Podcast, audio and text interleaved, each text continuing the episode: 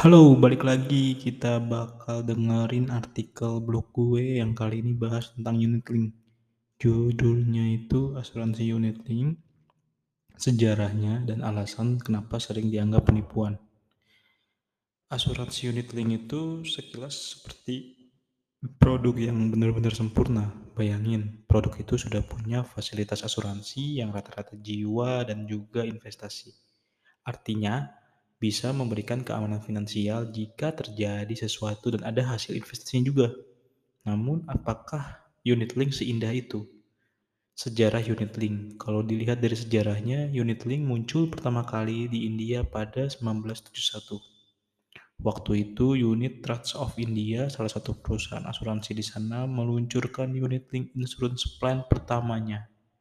Menguasai pasar unit link selama hampir dua dekade, produk unit link kedua di India keluar dari perusahaan asuransi LIC Mutual Fund pada 1989. Untuk LIC Mutual Fund ini muncul juga setelah ada aturan di mana perusahaan publik mulai bisa untuk menghimpun dana atau mengelola dana termasuk untuk unit link ini.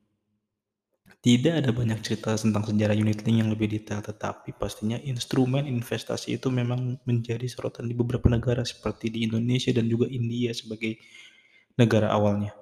India Times, sebuah media di India pun sampai menyebut unit link di India itu punya konsep bagus, tetapi yang jualnya bikin membu bikin produk ini jadi jelek. Bahkan dikira scamming. Apa itu scamming? Scamming adalah trik menipu orang demi mendapatkan uang dengan berbagai cara.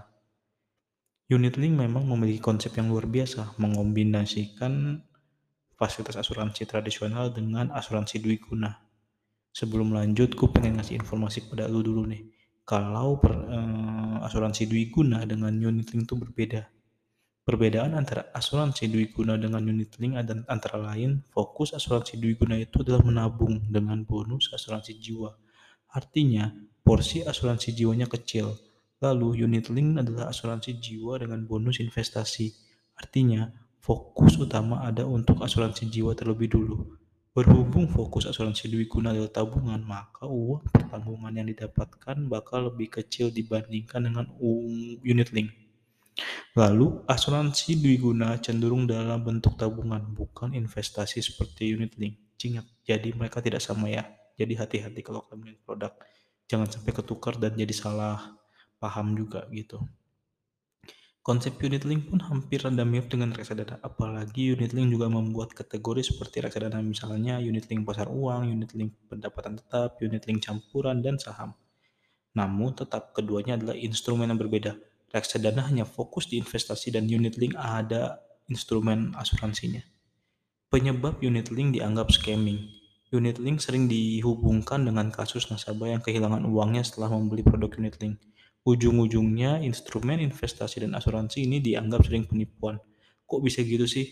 Dari kasus di India, unit link sering disamakan dengan scam gara-gara ulah dari asuransi swasta yang memberikan komisi yang sangat tinggi kepada agen asuransinya. Komisi yang dibayarkan perusahaan asuransi ke agen hingga tembus 100% dari premi tahun pertama. Artinya jika kamu uh, beli produk unit link dan membayar premi selama setahun pertama, premi setahun pertama tuh nggak masuk ke dalam uh, polis lu, tapi dipakai untuk bayar si agen. Itu kalau di India. Hasilnya agen asuransi pun akhirnya memburu konversi penjualan unit link. Kenapa? Karena komisinya gede. Cuannya juga besar dong. Nah, waktu itu petinggi asuransi menilai membayar komisi 60-100% di tahun pertama ini sama dengan 3% dalam 20 tahun. Namun jelas hitung-hitungan ini keliru karena tidak mempertimbangkan resiko nilai waktu dan uang. Akhirnya, Badan Pengatur dan Pengembangan Asuransi di India pun menyadari resiko dari penjualan unit tersebut pada 2010. Sayangnya situasi sudah parah banget karena banyak investor yang kehilangan uang gara-gara beli produk unit link tanpa diedukasi tentang resikonya. Gara-gara itu banyak orang di India yang trauma dengan asuransi. Akhirnya banyak perusahaan asuransi kesulitan mencari nasabah. Khusus di India, regulator pun uh, sudah membuat pedoman baru untuk produk unit link. Namun semuanya bak nasi yang sudah menjadi bubur. Dengan penurunan komisi yang lebih rendah, agen-agen asuransi pun ogah jualan produk unit link. Apalagi produk itu punya resiko nilai investasi yang membuat para agen bisa diteror nasabah. Akhirnya di India banyak yang memilih untuk menjajakan produk asuransi tradisional yang aman. Walaupun di sini juga menuai kritikan. Kalau misalkan komisi untuk asuransi tradisional lebih tinggi, maka akan mengulang kasus serupa dalam uh, yang terjadi di unit link sebelumnya, yaitu banyaknya uh, fraud yang terjadi gara-gara komisinya lebih tinggi dibandingkan produk yang lain. Sebenarnya, sebenarnya ini logikanya salah sih. Kan produk tradisional ini nggak tinggi banget komisinya, cuman normal-normal aja. Cuman emang uh, komisi untuk uh, penjualan unit ini yang di bawah tradisional. Jadi ada kesenjangan di situ sih. Lalu unit link sumber cuan perusahaan asuransi, asuransi jiwa. Kalau tadi kita ngomongin di India, sekarang kita ngomongin di Indonesia. Unit link disebut sebagai motor cuan para perusahaan asuransi jiwa. Meski diterpa banyak kasus seperti yang dialami Aksar Mandiri dan AIA, tetapi pendapatan premi dan produk unit link sampai kuartal 3 2021 terus tumbuh. Pendapatan premi dari unit link untuk seluruh perusahaan asuransi naik 9% menjadi 93,31 triliun dibandingkan dengan 85,57 triliun pada kuartal ketiga. Pertumbuhan itu cukup wajar setelah pada medio kuartal ketiga 2020 pendapatan premi memang turun 5,6 persen. Pendapatan premi unit link disebut eh, berkontribusi mayoritas lebih dari 50% dari total premi asuransi jiwa. Meski produksi produk asuransi jiwa tumbuh pesat 15,7 persen, cuman ya nilainya tetap kalah jauh sama sama nominalnya unit link. Meskipun begitu, pihak asosiasi asuransi menilai kenaikan asuransi tradisional pun yang yang melesat tinggi ini nggak berarti menjadi sinyal masyarakat mulai meninggalkan unit link. Meski ada kenaikan nilai penarikan dana unit link yang sebesar 22,2% sepanjang tahun ini atau kuartal 3 2021.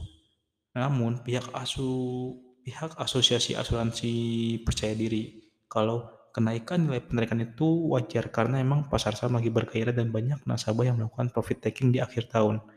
Asosiasi percaya diri bilang begitu karena data jumlah polis unit yang dihentikan pada kuartal ketiga tahun ini sudah turun 19, eh, 11,9 persen. Hal itu berarti banyak nasabah yang tetap mempertahankan asuransinya di tengah sentimen negatif unit link. Bagaimana cara kerja eh, asuransi unit link? Jika membeli produk unit link bukan berarti kamu bisa langsung untung 100% dari investasi dan dapat fasilitas asuransi jiwanya ya. Berhubung ini adalah investasi, bakal ada tetap resikonya gitu. Cara kerja dari asuransi unit link sendiri adalah kamu membeli produk asuransi unit link dan wajib bayar premi. Nah, uang premi itu bakal digunakan untuk investasi yang hasilnya adalah nilai polis. Lalu, nilai polis ini digunakan untuk membiayai juga eh, digunakan juga untuk membiayai asuransi dan sisa saldonya baru digunakan untuk investasi kembali. Untuk itu, biasanya per tahun pertama, premi yang dibayarkan itu bisa digunakan untuk biaya akuisisi.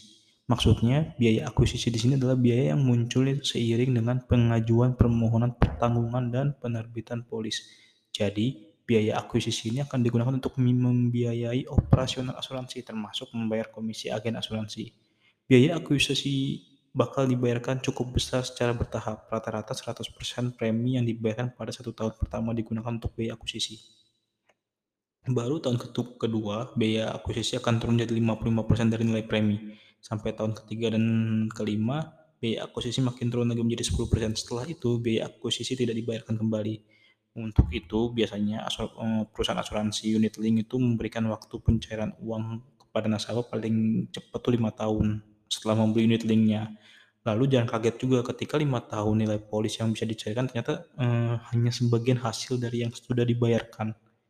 Kenapa? Karena kan uangnya digunakan untuk biaya akuisisi di awal. Nah, ini yang jarang disampaikan oleh para agen dan uh, pihak bank yang bekerjasama dengan pihak asuransi untuk produk tersebut gitu.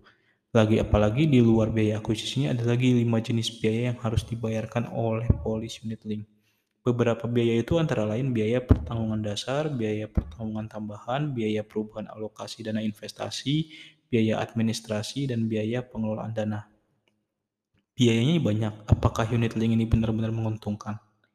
Memang, agen asuransi maupun pihak bank yang menawarkan bank insurance tidak pernah menjelaskan terkait biaya-biaya tersebut. Namun, biaya itu bukan berarti membuat unit link tidak dibutuhkan. Lagi-lagi, instrumen keuangan itu akan berguna jika kamu benar-benar membutuhkannya. Ibaratnya orang yang cuma pengen asetnya tumbuh pasti eh, tidak akan cocok investasi di saham, melainkan lebih ke deposito. Begitu juga dengan unit link. Instrumen ini cocok bagi mereka yang ogah ngurus asuransi jiwa dan investasi secara terpisah. Jadinya dia akan menggunakan jasa asuransi lewat produk unit link. Dengan begitu biaya-biaya yang tadi bisa dianggap sebagai bayaran eee, biaya-biaya tadi itu bisa dianggap sebagai bayaran jasa karena telah mengelola dana dan mengurus asuransinya. Nah, untuk kamu yang merasa butuh dan ingin beli unit link juga harus ingat, kamu cukup membayar premi yang rutin saja, jangan khawatir dengan hasil investasi di setidaknya 10 tahun pertama. Setelah itu kamu baru bisa melihat indahnya keuntungan investasimu di unit link. Meskipun begitu, bukan berarti tidak ada resiko unit link nih. Dengan skala waktu yang lebih panjang, kamu juga harus pintar memilih asuransi yang bisa bertahan cukup lama. Jangan sampai kamu simpan unit link selama 20 tahun, ternyata di tahun ke-15 perusahaan asuransinya bangkrut. Jika itu terjadi, biasanya uang polis bisa hangus karena perusahaan asuransi bangkrut akibat force majeure atau keadaan terdesak dan kejadian yang tidak bisa diprediksi. Buat kamu yang jago investasi sendiri sih mendingan, eee, mengelola dana sendiri ya, dengan gitu kamu juga lebih fleksibel dan dana untuk biaya untuk mengelolanya juga lebih murah, gitu aja sih untuk artikel kali ini. Bye-bye.